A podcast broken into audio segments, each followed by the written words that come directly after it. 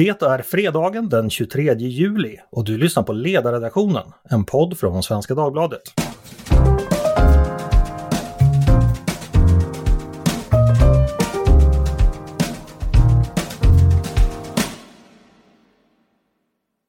Varmt välkomna till denna podd i rötmånadens första dagar. Vi har kommit in i det som antikens människor kände som dies carniculares, hunddagarna. Och sommarvärmen fortsätter ligga relativt stabil över landet. Och aldrig är väl Sverige så nerkopplat, bortkopplat och avkopplat som just nu den sista helgen i juli.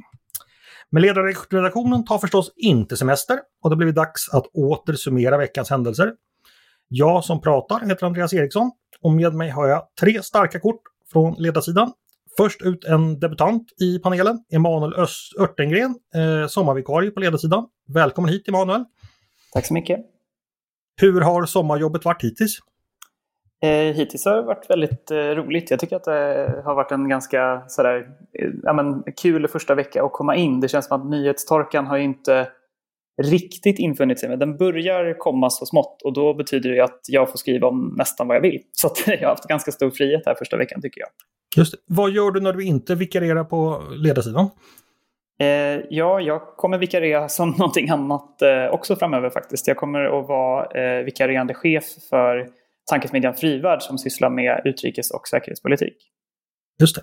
Varmt välkommen hit som sagt. Eh, vi har också med oss en nygammal bekantskap för ledarsidans eh, läsare, nämligen Susanna Silversköld. Välkommen hit! Tackar! Hur är det att vara tillbaka på ledarsidan igen? Du har ju varit vikarie i olika omgångar tidigare. Ja, nej men det känns väldigt roligt. Och eh, nu är det ju lite som Emanuel var inne på att sommartorkan börjar dra igång. Eh, och det har gjort att jag får prova på lite längre bollar eh, och inte bara hoppa på det här som är superdagsaktuellt. Så att, eh, det har varit lite nytt. Kul! Just det. Och de som eh, spelar de där långa bollarna, det är allas för chef, Svenska Dagbladets politiska chefredaktör Tove Livendal. Hej Tove! Hej Andreas! Är du kvar på Gotland förresten? Jag är kvar på Gotland, ända till skolorna drar igång igen. Mm. Och hur råder sommartorka i nyhetsflödet även på, på Gotland lokalt? Nej, det är ju full fart faktiskt. Det där är, jag tycker jag följer ju lokalmedierna här och eh, man får ju en bättre känsla för eh, vad som rör sig i den lilla världen när man följer lokalmedier än riksmedier. Därför att då kan det vara allt ifrån ja, eh, rattonykterhet till eh, andra saker som händer och som har just den här lokala karaktären. Och jag, jag, så jag uppskattar det. Inte, inte händelserna, utan att följa medierna. Nej, nej, nej, jag förstår att du inte sitter och gläds över den tilltagande rattfyllan på, på landsvägarna.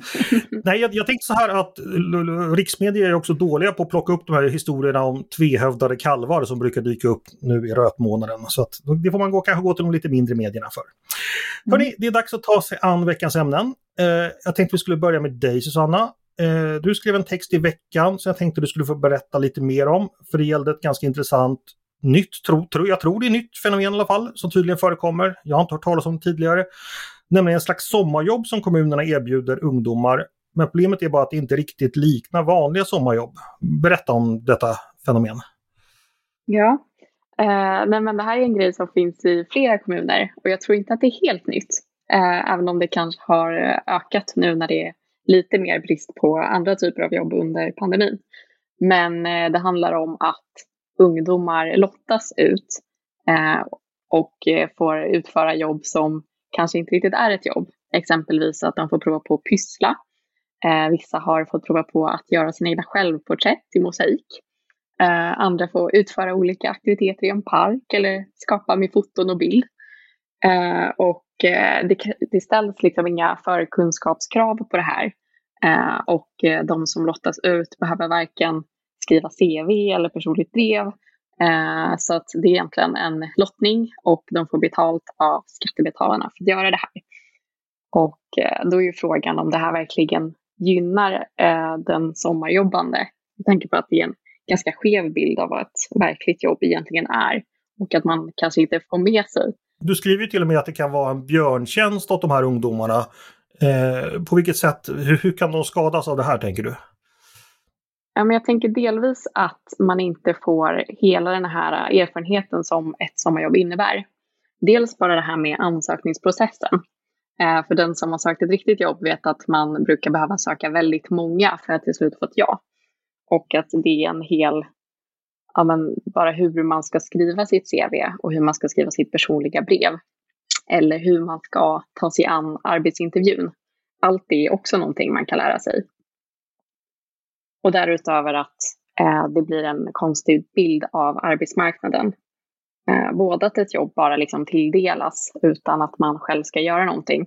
Men också att man kanske ska få betalt för någonting som egentligen inte någon skulle vilja betala för att få utfört. Nej, och det är inte så att man liksom vikarierar för ordinarie pysslare eller självporträttmålare utan det är ju liksom, känns ju väldigt skapat. Det, det goda jag kan tänka i och för sig, det är väl att folk, det håller folk sysselsatta och att man kanske kan lära sig någonting i alla fall, liksom det här med att kanske passa tider, lyda instruktioner, eventuellt ingå i ett arbetslag. Så det skulle väl eventuellt kunna vara på, på plussidan då, att om alternativet bara är att ungdomar går och driver, tänker jag. Ja, förstås. Men då tänker jag att kommunen skulle kunna eh, tillhandahålla olika sommaraktiviteter för ungdomar ändå. Och kanske inte kalla det då för just ett sommarjobb i och med att det för tanken ganska fel. Mm. Jo, men det håller jag verkligen med om. Tove, kommer du lotta ut några praktikplatser på ledarredaktioner i framtiden? Nej, det kommer jag nog inte göra, men däremot så har vi tagit emot praktikanter från eh, lite olika håll. Dels har vi ju sådana som är, eh, är liksom tränade för ledarskribensyrket genom Svenska nyhetsbyråns praktikantskola så att säga. Men sen har vi också haft inne prao-elever eh, från högstadiet. Jag vet det var en lärare som hörde av sig ganska förtvivlad och sa att det var väldigt svårt för hon satt ute och jobbade i Rinkeby och tyckte det var svårt att hitta praoplatser åt eleverna. Så då kom två killar och var hos oss eh, i ett par veckor.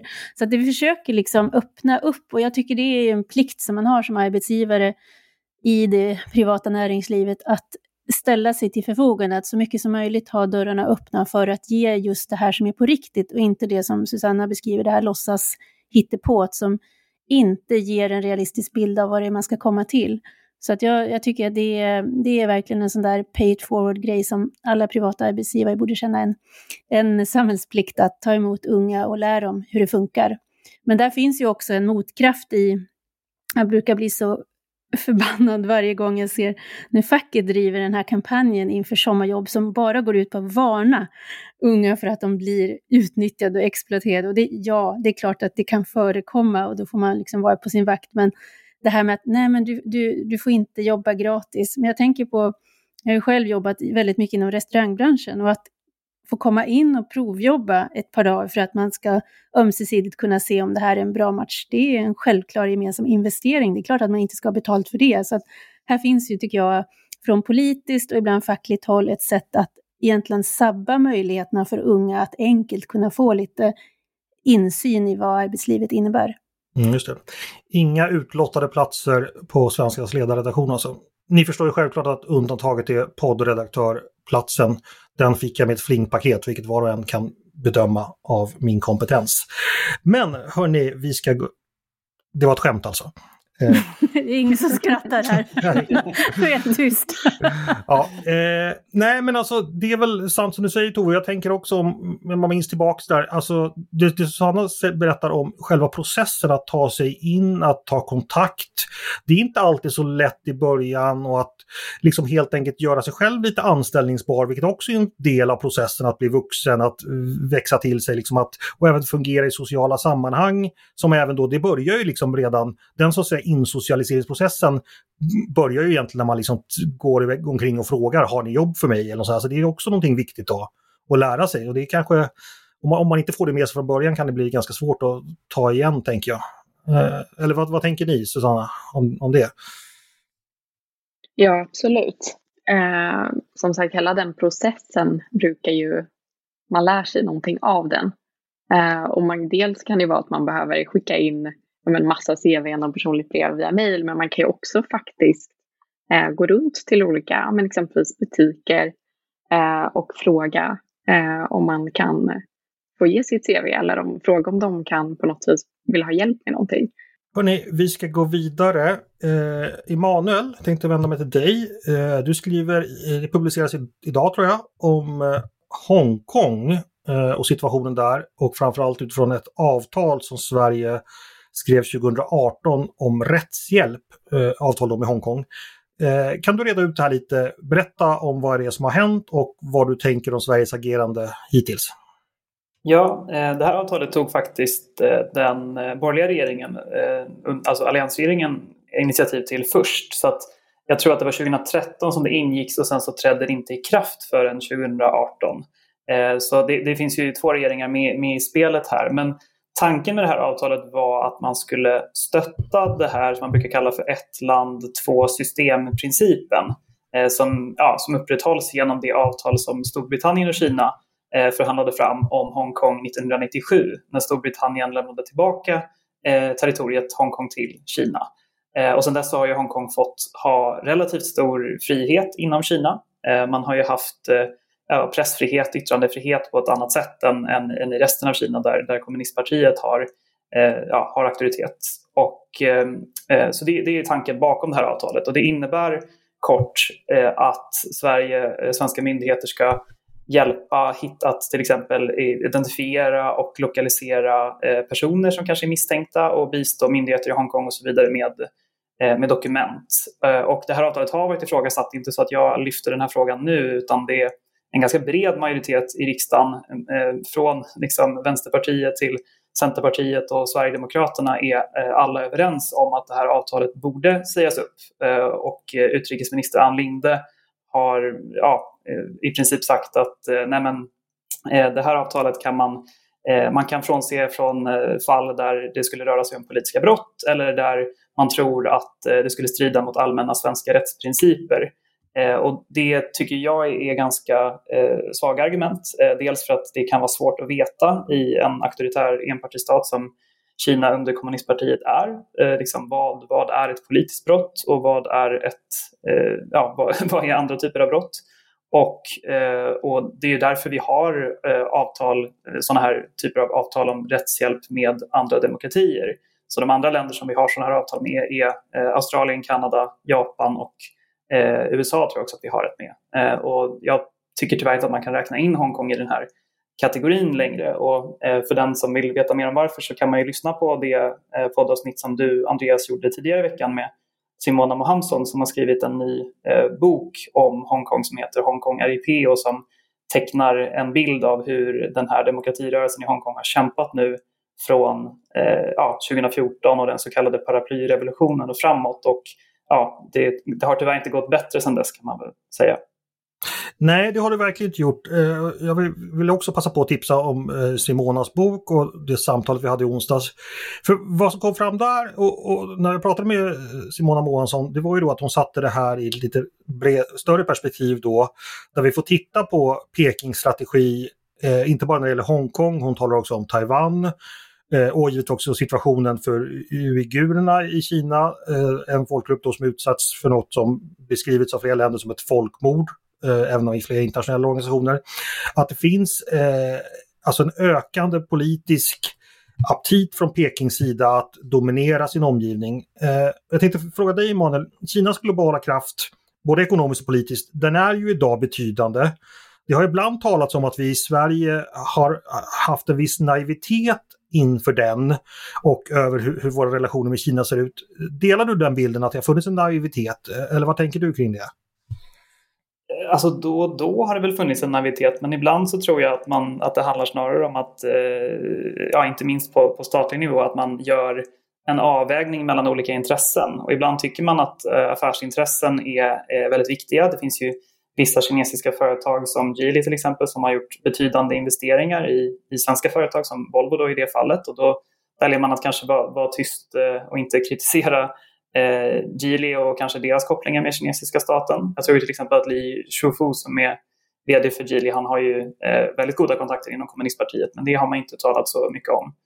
Eh, så, så, ibland är det ju en fråga om det men sen är det klart att ibland är det ju fråga om eh, naivitet. Det var väl till exempel en kommunpolitiker i eh, Uppsala som numera är han inte kvar i, i Centerpartiet, han blev väl utesluten, men, men Stefan Hanna som har synts i sammanhang där han har eh, varit eh, liksom, ja, i princip fört fram samma budskap som, som kommunistpartiet och köpt vad de eh, har sagt. Så det, det, är, det är nog lite olika från, från fall till fall. Eh, men kunskapen om eh, Kina tror jag har varit eh, sådär och jag tror inte att så många, även på politisk nivå, den insikten börjar väl komma nu, men att många kanske inte har förstått hur pass sammanflätade eh, kommunistpartiet och det övriga samhället i Kina är. Jag menar i Sverige tänker vi att Eh, Socialdemokraterna som sitter i regeringen nu, de, de är inte eh, staten och de är inte för den delen eh, liksom näringslivet. Det är inte så att det är en massa företag som, där det finns avdelningar eh, för det socialdemokratiska partiet som, som styr hur de företagen fattar sina investeringsbeslut. Men så är fallet i Kina och det tror jag att fler måste, eh, fler måste inse. Och eh, när det kommer ett företag och vill göra, eh, ett kinesiskt företag då, och vill göra en investering i Sverige då ska väl grundfrågan alltid vara Does this make business sense? Alltså, är den här investeringen affärsmässigt motiverad eller kan det vara så att det finns andra mer strategiska och geopolitiska intressen som ligger bakom? Mm. Tove, ska vända mig till dig. Eh, det som Emanuel beskriver här då, Kinas kommunistparti och dess ledare, de har ju väldigt tydliga ambitioner och att där är geopolitik eh, och ekonomi integrerat. Simona Månsson nämnde i vår podd att hon tyckte att det här borde diskuteras mer och att det i ganska liten grad var en politisk fråga i Sverige. Hon frågade exempelvis vad är skillnaden mellan Kristersson och Löfvens linje eh, när det gäller Kina. Det var för henne oklart och den kanske inte fanns Eh, om jag förstod henne rätt då. Hur tänker du kring det här? Alltså, behöver svenska politiker diskutera det här mer, formulera tydligare linjer i relation till den kinesiska diktaturen? Ja, det tror jag och det det, av flera skäl. Dels är det väl Skälet till att det inte kanske talas så mycket om det, det är ju att det finns ett kunskapsunderläge. Det är inte så många som Eh, vi är insatta, som tar sig tid att på samma sätt som eh, Simona har gjort, att liksom försöka förstå läget på något annat ställe, utan vi är ganska navelskådande. Det brukar synas i våra valrörelser som när man inte riktigt ser att omvärlden existerar, utan vi talar bara om det som är oss närmast. Eh, och det är ju också en följd av att vi eh, nu låter det klyschigt, men det är ju sant att vi lever i en mer globaliserad värld och det innebär att vi kan inte låta bli att inte förhålla oss till hur vi påverkar. Och nu har vi en regering som är, har tagit en ganska hög eh, position. Man sagt att vi ska vara feministisk utrikespolitik och sådär. Och i Simonas bok så finns ju eh, en passage där hon diskuterar också vad händer med de feministiska frågorna eller med hbtq-frågorna. Hur hänger det ihop med allting? Eh, och jag tror att Ska man då eh, kunna ikläda sig de här fina orden hemma, då behöver man också bli bättre på att diskutera effekterna eh, av politiken som vi för. Ibland så kan det ju vara, här är det ju ett område där signaler kan ändå spela roll. Vi kan inte, vi kan inte gå in och styra saker som händer, men man kan, man kan fundera på hur man kan utöva eh, makt genom signaler som ett annat land. Och eh, just därför att det också finns intressen, starka intressen för oss att också fortsätta vara den här starka exportnationen och att hitta nya marknader, så är det givet att det kommer att uppstå målkonflikter. Så jag tror att det vore jättebra att ha mer och öppnare och transparentare diskussioner om hur de ser ut. En aspekt jag också tänkte på, jag tänkte fråga dig också om det Tove, det gäller det här, eh, kan det ha funnits från höger i Sverige en viss politisk blindhet för att Eh, vi, vi gillar ju handel och marknadsekonomi och tycker det är jättebra att Kina har öppnat upp sig ekonomiskt för investeringar och att vi sluter tätare ekonomiska band med dem. Har vi varit, kanske från höger varit lite naiva och tänkt så här att kommunistpartiet är inget riktigt kommunistparti längre för de handlar ju med oss och så småningom kommer det automatiskt leda till, till att även mänskliga rättigheter och demokrati kommer liksom att eh, dyka upp i Kina med någon sorts automatik. Eh, känner du igen de tankarna eller förstår du vad jag menar? Eh, jag förstår hur du menar och jag, jag, tror att det kan ligga något i det att vi har tänkt att om, de bara, om vi bara handlar och har mer kontakt så kommer de att se att vårt sätt att leva är det mest överlägsna. Och eh, har vi liksom blivit varse att så tänker inte alla. Alla tänker inte att de helst av allt skulle bli som Sverige eller som västerlandet.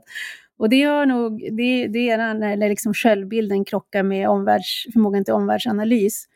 Så att det är ju någonting som jag tror är det kan finnas ett stråk av naivitet, men sen är det ju också att det är en eh, genuint svår avvägning därför att vi vet också att eh, kontakter som sker med näringslivet i stater som, eh, som kränker mänskliga rättigheter har också banat väg, att man har kunnat ge in syre till oppositionen, man har kunnat på olika sätt sprida eh, påverkan också via näringslivsvägar som har varit jätteviktiga för att de länderna ska komma i rätt riktning. Så att det är inte, det är inte entydigt. Jag, jag är ingen förespråkare av att alla som inte beter sig som oss kan vi inte ha någon kontakt med, utan jag tror att man ska försöka eh, hålla kontakterna så öppna som möjligt. Jag tror att det är, det är ändå eh, långsiktigt eh, den bästa vägen för att kunna påverka det, att man har någon form av relation med varandra.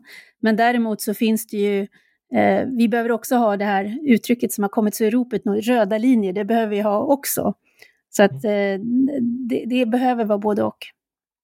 Nu, låt, nu lät det som en folkpartist.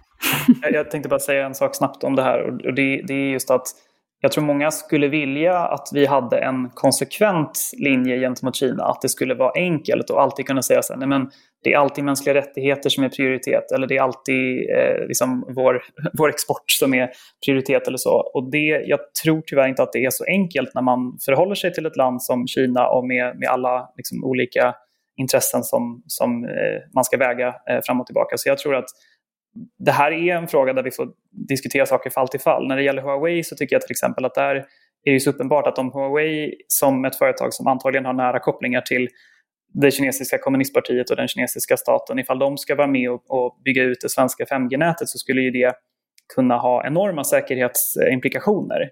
Eh, så det kanske man inte ska göra, men betyder det att vi ska stoppa eh, all annan handel med Kina? Nej, det gör det inte. Så det, svårigheten här är just att det finns inte alltid så självklara svar, utan det, det är någonting man får väga eh, i olika situationer.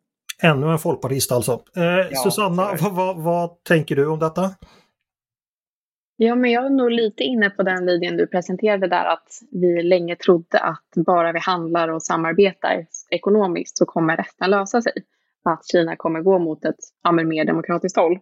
Eh, men riktigt så enkelt var det ju inte. Eh, men med det sagt så betyder det ju inte att eh, handel inte hjälper.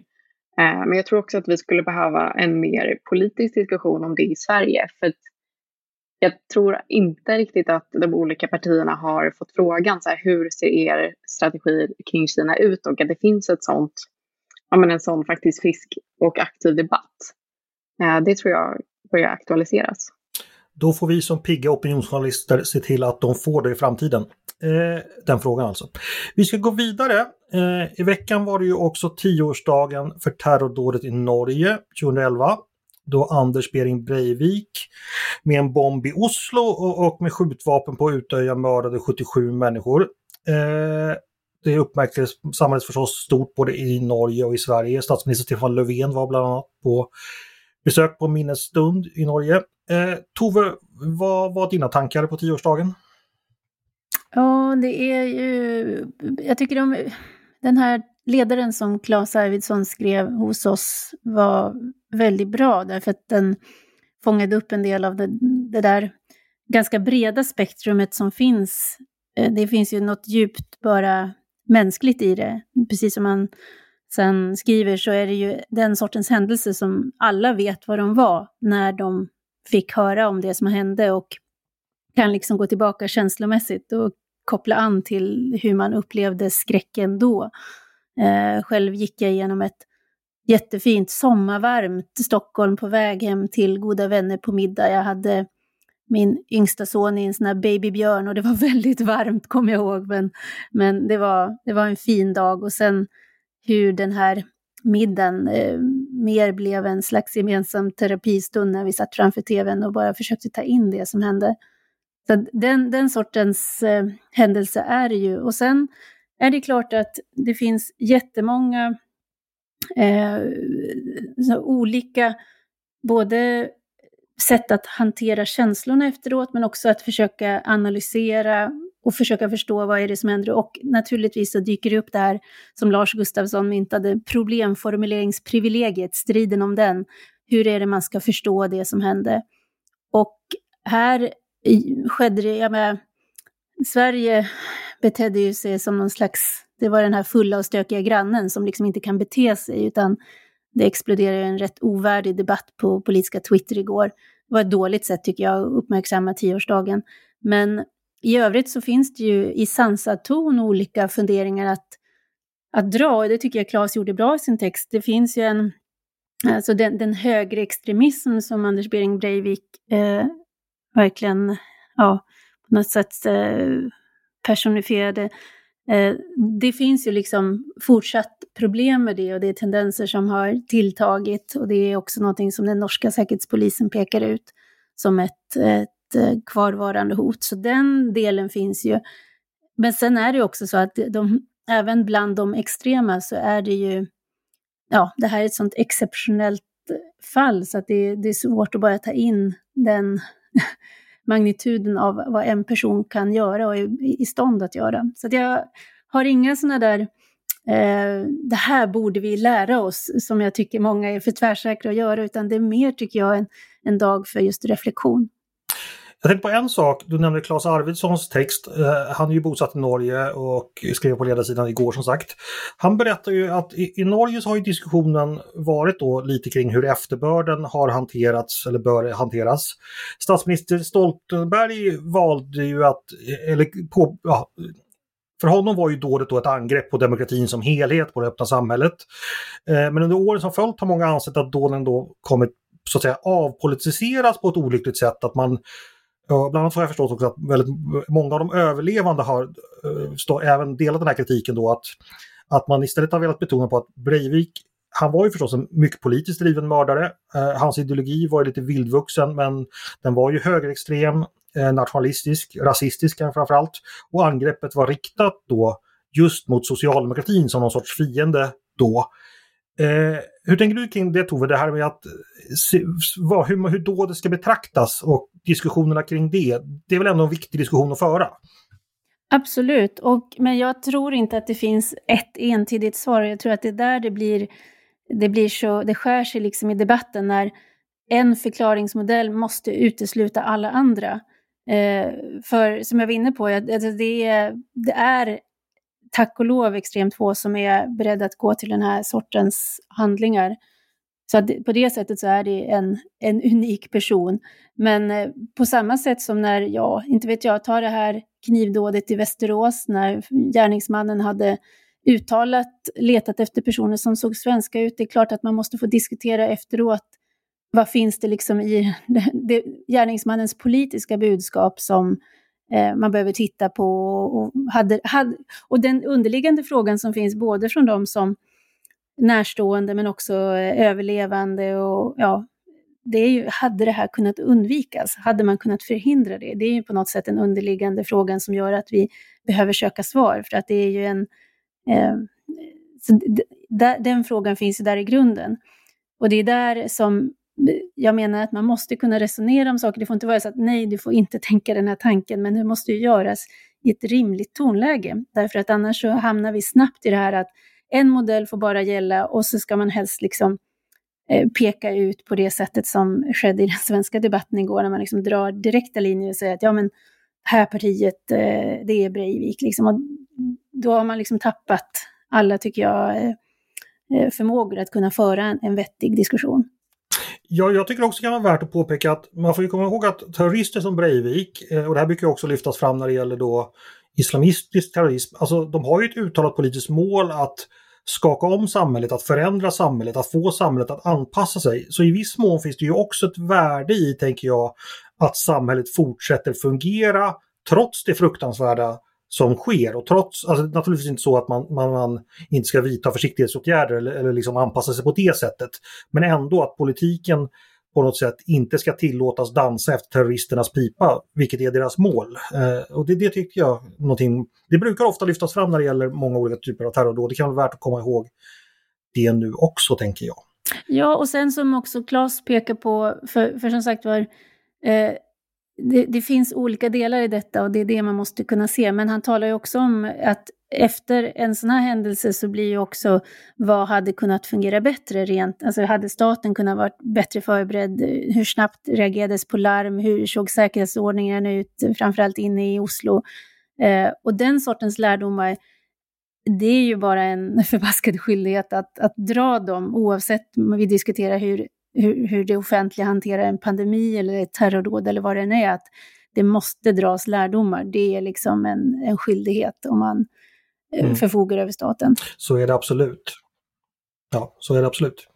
Vi ska gå vidare hörni. Eh, det har blivit dags för ytterligare en sån här liten episod där vi kallar Så funkar en ledarsida.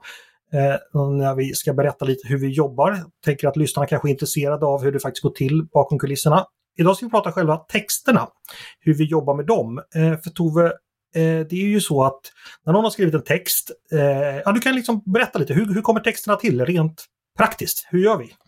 Ja, Först så finns de i, eh, som små eh, tankeutkast i huvuden på, på olika ledarskribenter. Så vi har ett möte på morgonen när vi pitchar olika idéer och sen kommer överens om vad som ska skrivas och ungefärlig längd och eh, när de ska vara klara och sådär. Så att man har de yttre förutsättningarna.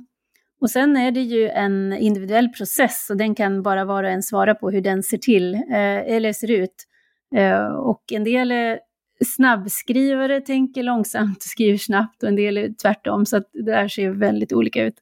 Men sen då när det finns ett utkast som man kan tänka sig, som är ja, så gott som, ja, som, som är färdigt att för andra att titta på, då lägger vi upp dem i vår gemensamma kommunikationskanal och sen går alla in och läser och ger synpunkter och eh, förslag på förbättringar.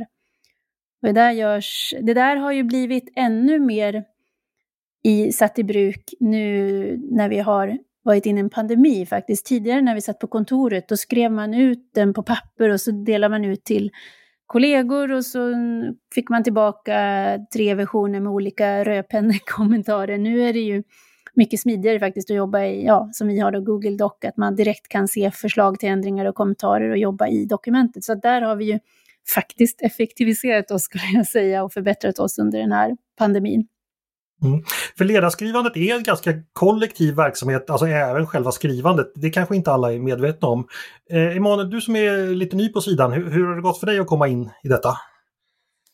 Ja, som jag sa innan vi började spela in här så tycker jag att det påminner lite om någon slags peer review, det vill säga att eh, alla läser alla och lämnar kommentarer, synpunkter och redigerar direkt i texten eller ger ändringsförslag. Så att det är ju eh, det, det, det, är verkligen en, en, kollektiv process och det gäller även när vi, när vi pitchar in ämnena. Alltså det, det är inte så att eh, ja, nu, nu, nu får jag skriva om nästan vad jag vill eftersom det är relativ nyhetstorka. Men, eh, men, det är, men vi funderar ju varje dag på liksom vad, vad är relevant och framförallt vad kan Svenska Dagbladets ledarsida bidra med som, eh, som ingen annan gör. Jag tycker det är ganska tråkigt när ledarsidor skriver om exakt samma saker. Eh, och nu har jag haft fördelen just den här veckan att jag har eh, åtminstone några dagar den här veckan så har jag suttit faktiskt med några som skriver ledare för andra tidningar och då vet jag ju vad de skriver om och så väljer jag då att inte skriva om samma sak. Mm, just det.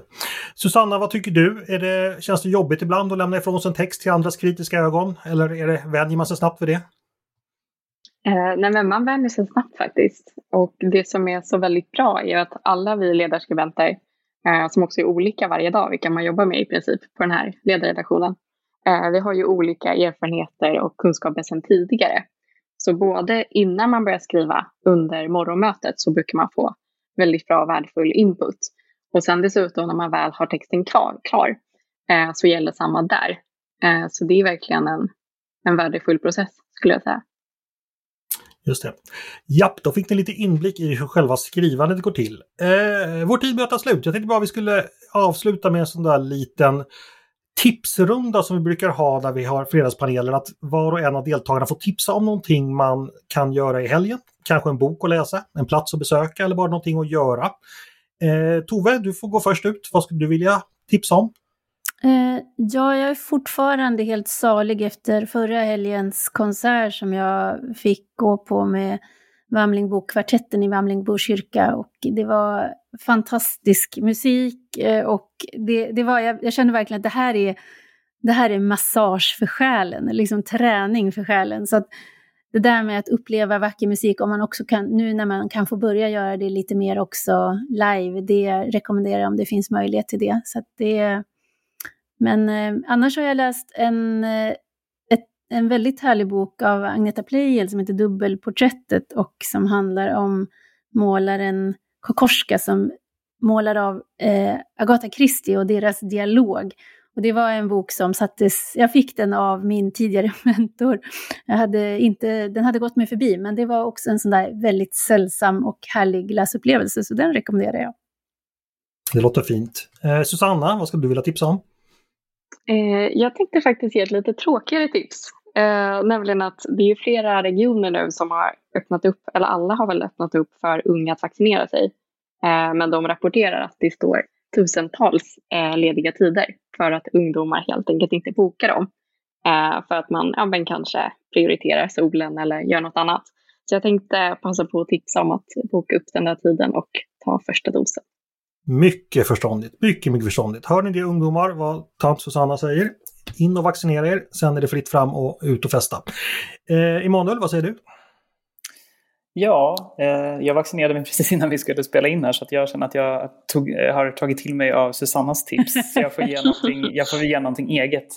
Eh, jag håller på och läser eh, Henrik Berggrens nya bok eh, Landet utanför som är den andra delen i en serie som ska komma om totalt tre böcker om Sverige under andra världskriget. Och den tycker jag har varit väldigt spännande och intressant att läsa och full av detaljer om liksom, hur livet var i Sverige under kriget och inklusive den här frågan då om, om neutraliteten. Och man kan väl säga att det, det är ganska lätt att avfärda neutraliteten i efterhand som att Sverige eh, fegade ur. Men, men det, det var inte lätta beslut och man får ganska bra inblick tycker jag också i hur regeringen, eh, den här samlingsregeringen då som ju var eh, nästan alla partier i riksdagen förutom kommunisterna sitter i den och hur det finns olika perspektiv på, på var och varannan fråga från hur man ska stötta Finland och Norge till eh, ja, vilket stöd Sverige egentligen ska, ska ge eh, Tyskland som vill transitera trupper genom Sverige. Så att en väldigt, väldigt bra och eh, ja, folkbildande bok. Så den tipsar jag gärna om. Henrik Berggren är ju en alltid, tycker jag, läsvärd eh, författare. Så det var ett utmärkt tips. Mitt tips är eh, betydligt mer profant. Jag tycker alla ska gå ut i naturen och ha det skönt och bada. För det ska jag nämligen göra nu. Jag ska åka till en strand vid Vänern som heter Svalnäs och bada. Och är ni i Skaraborgstrakten så är det väl värt ett besök. Ligger en mil ungefär utanför Lidköping. Eh, vid Vänern som sagt. Hörni, vad trevligt. Tack för idag hörni. Tack själv. Tack själv. Eh, och eh, jättekul att ha dig. Ja, precis. Och jättekul att ha dig med för första gången också, Emanuel. Och tack till er som har lyssnat.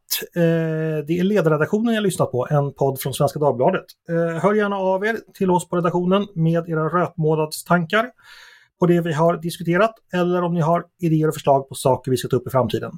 Maila då bara på ledarsidan snabel svd.se. Dagens producent har varit Jesper Sandström. Själv, jag som ska åka och bada, heter Andreas Eriksson och jag hoppas att vi hörs igen snart.